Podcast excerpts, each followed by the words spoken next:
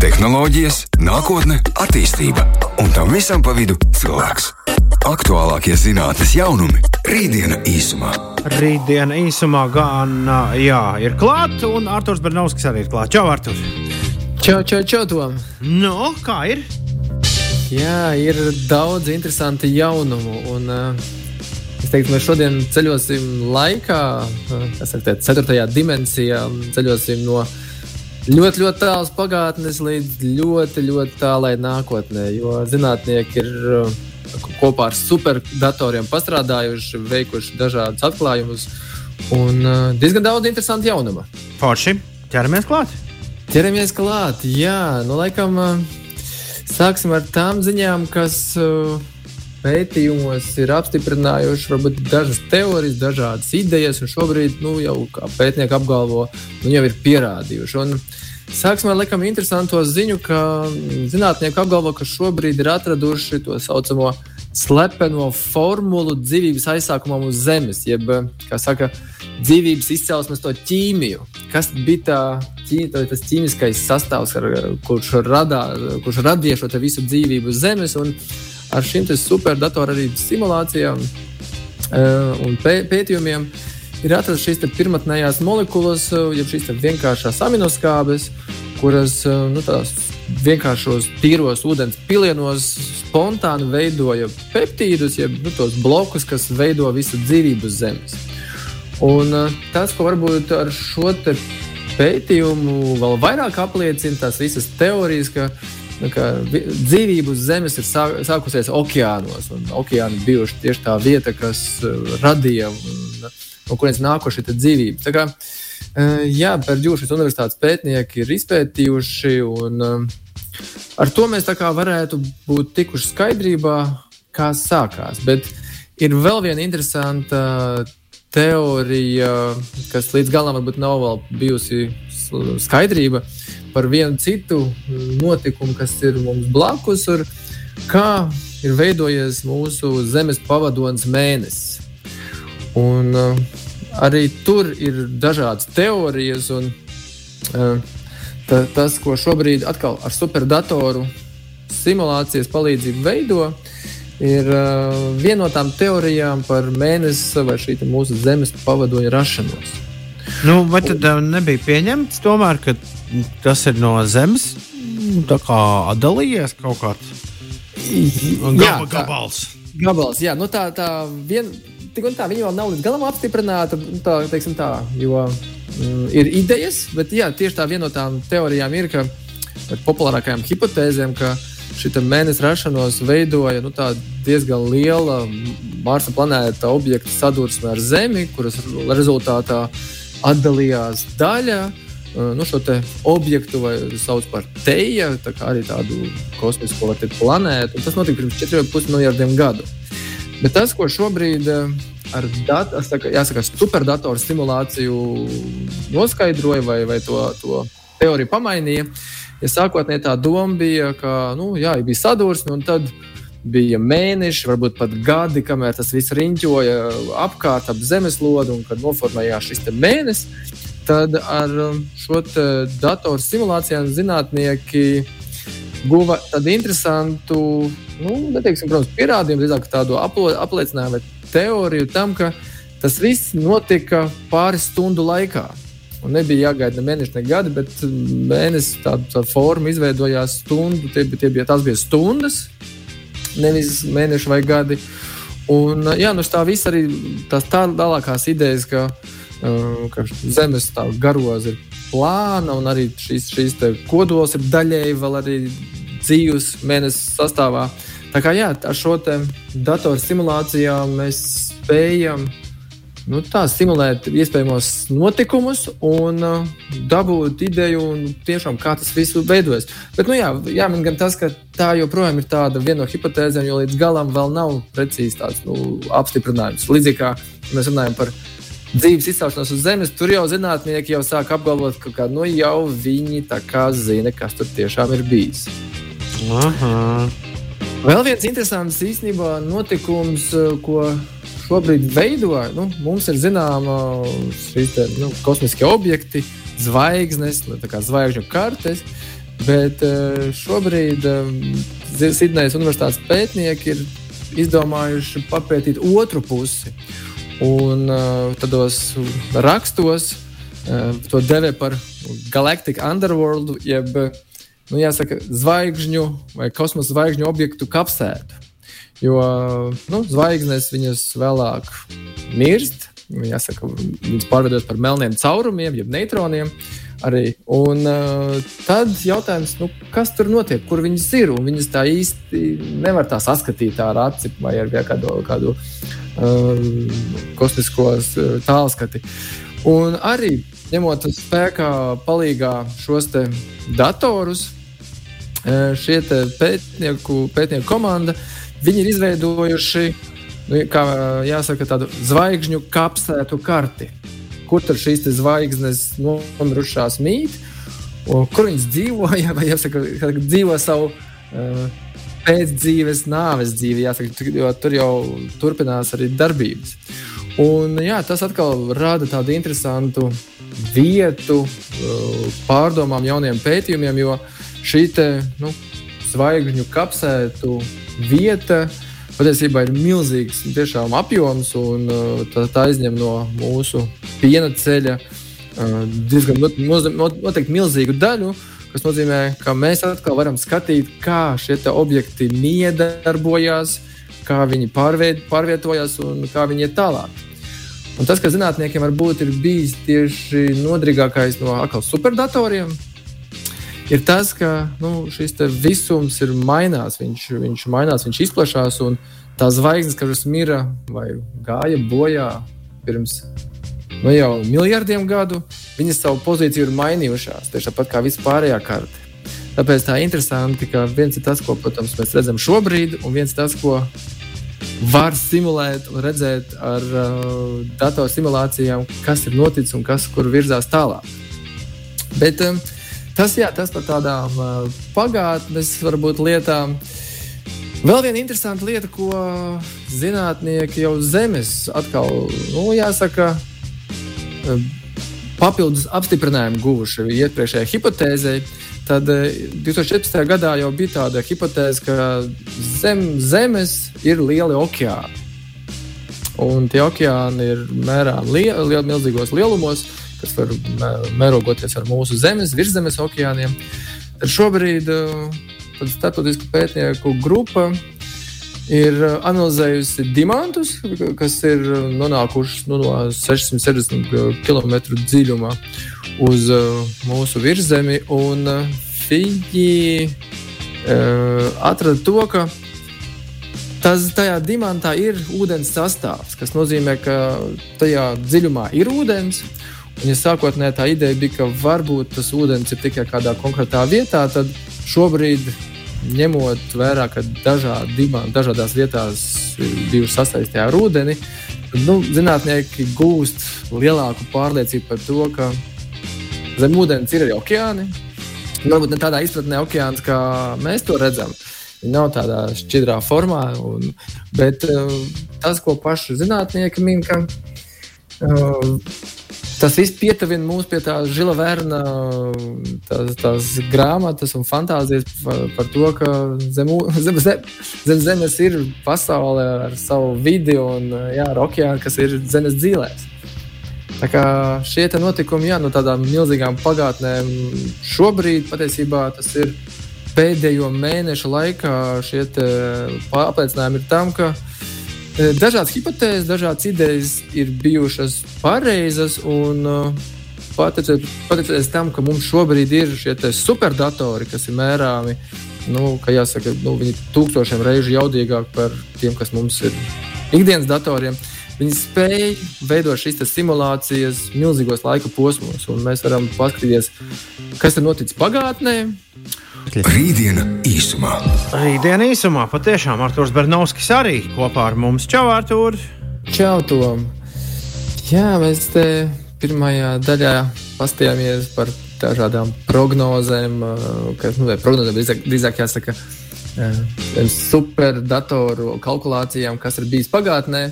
Un kaut ko līdzīgu ar superdatoru palīdzību arī prognozē uz priekšu. Un viena lieta, kas mūs atkal sagaida, jāsaka, atkal. Nākotnē būs viens kontinents uz Zemes, mūsu planētas Zeme, ja tā saucamais superkontinents. Un šobrīd gan, jāsaka, tas nav, nebūs tik drīz. Tas varētu būt kaut, kaut kad nākamo 300 miljonu gadu laikā, bet Zemes šie kontinenti atkal iet tuvojās uz vienu vietu, un viņi pat ir iedavuši jau nosaukumu. Tev varbūt ir idejas, kāds varētu būt nosaukums jaunam kontinentam. Uh, Ambrēzija. Ejo, bet ļoti tuvu Amāzija. Amāzija. Okay. Jo nu, tā kā savienosies Amerika ar Āziju, tāpēc laikam, tas savienotais vārds arī. Jā, jo nu, tas kontinents veidosies tieši tajā klusā okeāna pusē. Un, jā, šis tā Amāzija jā, atkal, atkal veidosies, jāsaka, atkal, jo pēdējo divu miljardu gadu laikā uz Zemes šie kontinenti ir vairākas reizes gājuši kopā un jāsaka, kaut kur ik pēc 600 miljoniem gadu. Tā kā savā ziņā nekas tehniski jauns nav, bet tomēr kaut kas jauns būs. Un, uh, Tas notika tā, ka arī šajos datoros izmantoja zemes tektonisko plāķu 4D, šo geodinamisko modelēšanu un veidoja šo modelēšanu uz priekšu. Sākot tam mēģināja saprast, kāpēc šie kontinenti visu laiku veidojās dažādi. Un, jā, veidojot simulācijas nākotnē, noskaidrojās, ka nu, neteiksim, tuvā nākotnē, bet tādā zināmā, vismaz šobrīd zināmā, aptuveni nākotnē, atkal kontinents ies kopā un būs viens vienots uh, veselums virs Zemes. Vēl viena lieta, kas ir interesanta, ko šobrīd pēta, ir tā, ka zinātnieku komanda ir atraduši mm, jaunas eksoplanētas, jeb tā saucamās tādas planētas, kas ļoti līdzinās planētai Zeme. Tādā doma, tā doma ka nu, tur arī ir iespējama dzīvība. Un šīs eksoplanētas, eh, kuras nosaukums ir Spekulus 2, ir interesantas ar to, ka viņas atrodas šobrīd pie, pie tādas savas saules, pie savas zvaigznes, kas jau mirst. Nu, pie, pie tādas sarkanā pundura, kas nav, nav liela zvaigzne, bet eh, jā, tā zvaigzne iet savu jau norietu. Un šobrīd zinātnieki skatās, kā tad planēta uz kuras visdrīzākais ir kāda dzīvības forma, var eksistēt pie, pie zvaigznes, kura mirst un kura, nu, jāsaka, iznīcina arī visas pārējās planētas, kas blakus. Nu, mūsu saule gan nebūs pundurs, viņa būs jau tāds sarkanais uh, milzis. Jāsaka, viņš nebūs tāds pundurs, kad mūsu saule dzisīs. Bet šobrīd, kā pašzinātnieki saka, ir tāds ceļojums 5 miljardu gadu uz priekšu un var skatīt gan to, kā tas process notiek, gan arī e, kā šī radiācija e, ietekmē šo planētu. Jo uh, Saulē dziestot, veidojās radiācija, radiācijas līmeņi, šobrīd uh, nu, jau skata, kāds ir tas radiācijas līmenis, kas izraisa visu ūdens iztveikošanu, un kāds vispār radiācijas līmenis ir tas, pie kuras nu, jāsāk uztraukties arī mums. Tas, protams, atkal tie ir miljardi gadi, bet šobrīd jā, ir iespēja skatīt, modelēt, domāt, e, kas tad mums notiksies, kas notiksies e, tiešām tādā milzīgā laikā, kas ir tiešām ceļojums laika mašīnā. Viena cita zinātnieku komanda uzdeva tādu jautājumu, kas radīs patiesībā jautājums arī gan pagājušā gadsimtā, gan atkal varbūt šobrīd atkal uzvirmojas. Kas tad notiks uz Zemes, ja notiksies šis kodolkarš? Un, uh, skaidrs, ka nekas labs nebūs, bet uh, šobrīd ar, atkal ar datoru simulācijām ievadot datus, var uh, prognozēt, kas tad īsti notiks. Un šie te, nu, jau jāsaka, klimata, klimata pētnieki, zinātnieki nu, ir izstrādājuši šādu nu, šausminošu simulāciju, lai atrastu jautājumu, kas tad īsti notiks. Un par pamatu ņēma uh, to teritoriju, kas ir starp Indiju un Pakistānu, šo Kašmīras reģionu, kur nu, šīm abām valstīm ir kodola arsenāli. Viņas ir visu laiku tādā nu, ne tādā kara stāvoklī, bet tādā saspringtā stāvoklī par šo teritoriju. Un tā, tā, tā ir tāda karstā zona un bīstamā zona. Tāpēc arī ņēma šo vietu par stimulāciju.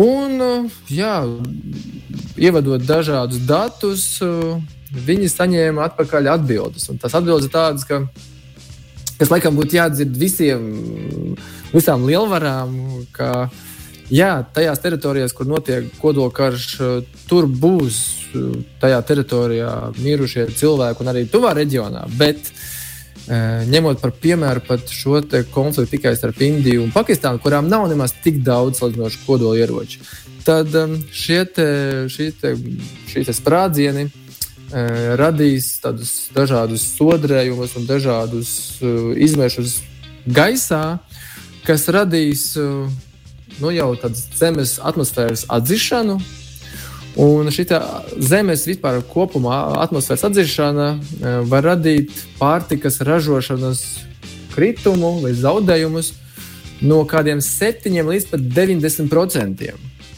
Tas nozīmē, ka tas ietekmēs jo īpaši teritorijās, kas ir ap šo konfliktu zonu.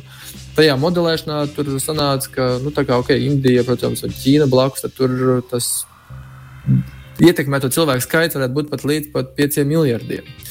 Bet tad pieņēma tās varbūtības, kas notiktu, ja tāda kā Krievija un ASV to izdarītu. Tad, tad pasaulē šo, te, nu, šo te kvēpju daudzums būtu 150 miljonu tonu, un šīs pārtikas piegādes samazinātos par 90% nu jau droši. Tas nozīmē, ka nu, neviens šajā karā tiešām neuzvarēs. Tas, tas tās, ka, ja būtu kodola karš, tad jā, būtu problēmas, bet arī pati valsts arī ciestu. Un jācer, ka šie pētījumi nonāks līdz arī pašiem uh, šiem kodola valstu turētājiem, un viņi sapratīs to, ka neviens šajā karā tiešām neuzvarēs. Jā, jācer, ka tiešām tas tā arī paliks pie visa. Bet, um, lai ne, neiet mēs tā pie tādām bēdīgām tēmām, tad um, zinātnieki atkal pēta nu, kas notiek uh, ar dabu, ar dabu dažādās zonās. Un, ja mēs turpinām šo kodola zonu, tad nu, ir Černobiļa un Černobiļas šī kodola reaktora uh, sprādziena vai šī bojājuma rezultātā uh, šī te teritorija tika saindēta. Un šis sprādziens notika 86. gadā, un kopš tā laika zinātniekiem, protams, interesē, nu, kā dzīvība attīstās tajā teritorijā. Un šī te teritorija ap Černobiļu šobrīd ir lielākais dabas rezervāts Eiropā. Līdz ar to nu, tur daba dzīvo savu dzīvi. Un uh, Spānija, Spānijas zooloģijas pētnieki viņi atraduši tādu interesantu, nu, jāsaka, dabisko atlasi, ko Darvins varbūt novēroja uz salām. Tad viņš šobrīd novēro tādā ļoti pātrinātā formā. Un tas, ko viņi novēroja, ir, ka šīs koku vārdes, kuras parasti ir zaļā krāsā, tad tajā teritorijā ap Černobiļu, jo īpaši vēl tuvāk ar šim reaktoram, viņas ir palikušas melnā nokrāsā, pretēji tai, tai zaļai krāsai. Un šī melnā nokrāsa ir tieši tā, kas uh, melatonīna iespējā uh, aizsargā vēl vairāk šo tādu un aizsargā vārdu ādu no starojuma. Un šobrīd, eh, jāsaka, nu, 30 gadu laikā eh, šī, šīs vārdes viņas eh, spējušas ļoti ātrā formā mainīties, pielāgoties. Un, jā, šobrīd zinātnieki skatot tās vārdas, skatās arī blakus esošās sugas. Kā, jā, kā tas, kas notiek varbūt simtos gadus, un varbūt pat tūkstošu gadu laikā, notiek jāsaka, vai dēļ, drīzāk nevis pateicis, bet dēļ šīs radioaktīvās vietas daudz lielākā pārādā formā. Un, ja mēs skatījāmies ar datoru simulācijām, kurš veidoja varbūtības un šo, šo laiku nogrieza, nogrieza, tad šobrīd mēs tajā teritorijā arī redzam ļoti pārādā formā dabas atlasi, kā pielāgojas, kā mainās. Un zinātniekiem ir daudz ko interesantu pētīt. Jā, tā kā šobrīd tas, kas e, notiek, ir pateicoties ļoti lielam informācijas daudzumam un pateicoties šiem superdatoriem, mēs spējam analizēt, plānot un prognozēt dažādas lietas. Un pateicoties arī šiem jaudīgiem datoriem, arī cita nozara, kā slimības, arī tiek prognozēt, kā viņām varētu nākotnē cīnīties. Tā kā es domāju, ka vēl tuvākā laikā mēs dzirdēsim no pētniekiem ļoti daudz interesantu atklājumu jaunumu par to, kā tad mēs un Zeme ir radusies ar tādām jau pamatotām lietām, un arī kur tad mēs visi virzamies uz jauniem kontinentiem un varbūt arī jaunām dzīvēm mūsu visumā. Bet šodienai pietiks, vai ne? Jā, šodienai mums pietiek. Labi, čau, tā! Jā, čau, čau. Tehnoloģijas, nākotne, attīstība un tam visam pa vidu cilvēks. Aktuālākie zinātnīs jaunumi - rītdiena īsumā.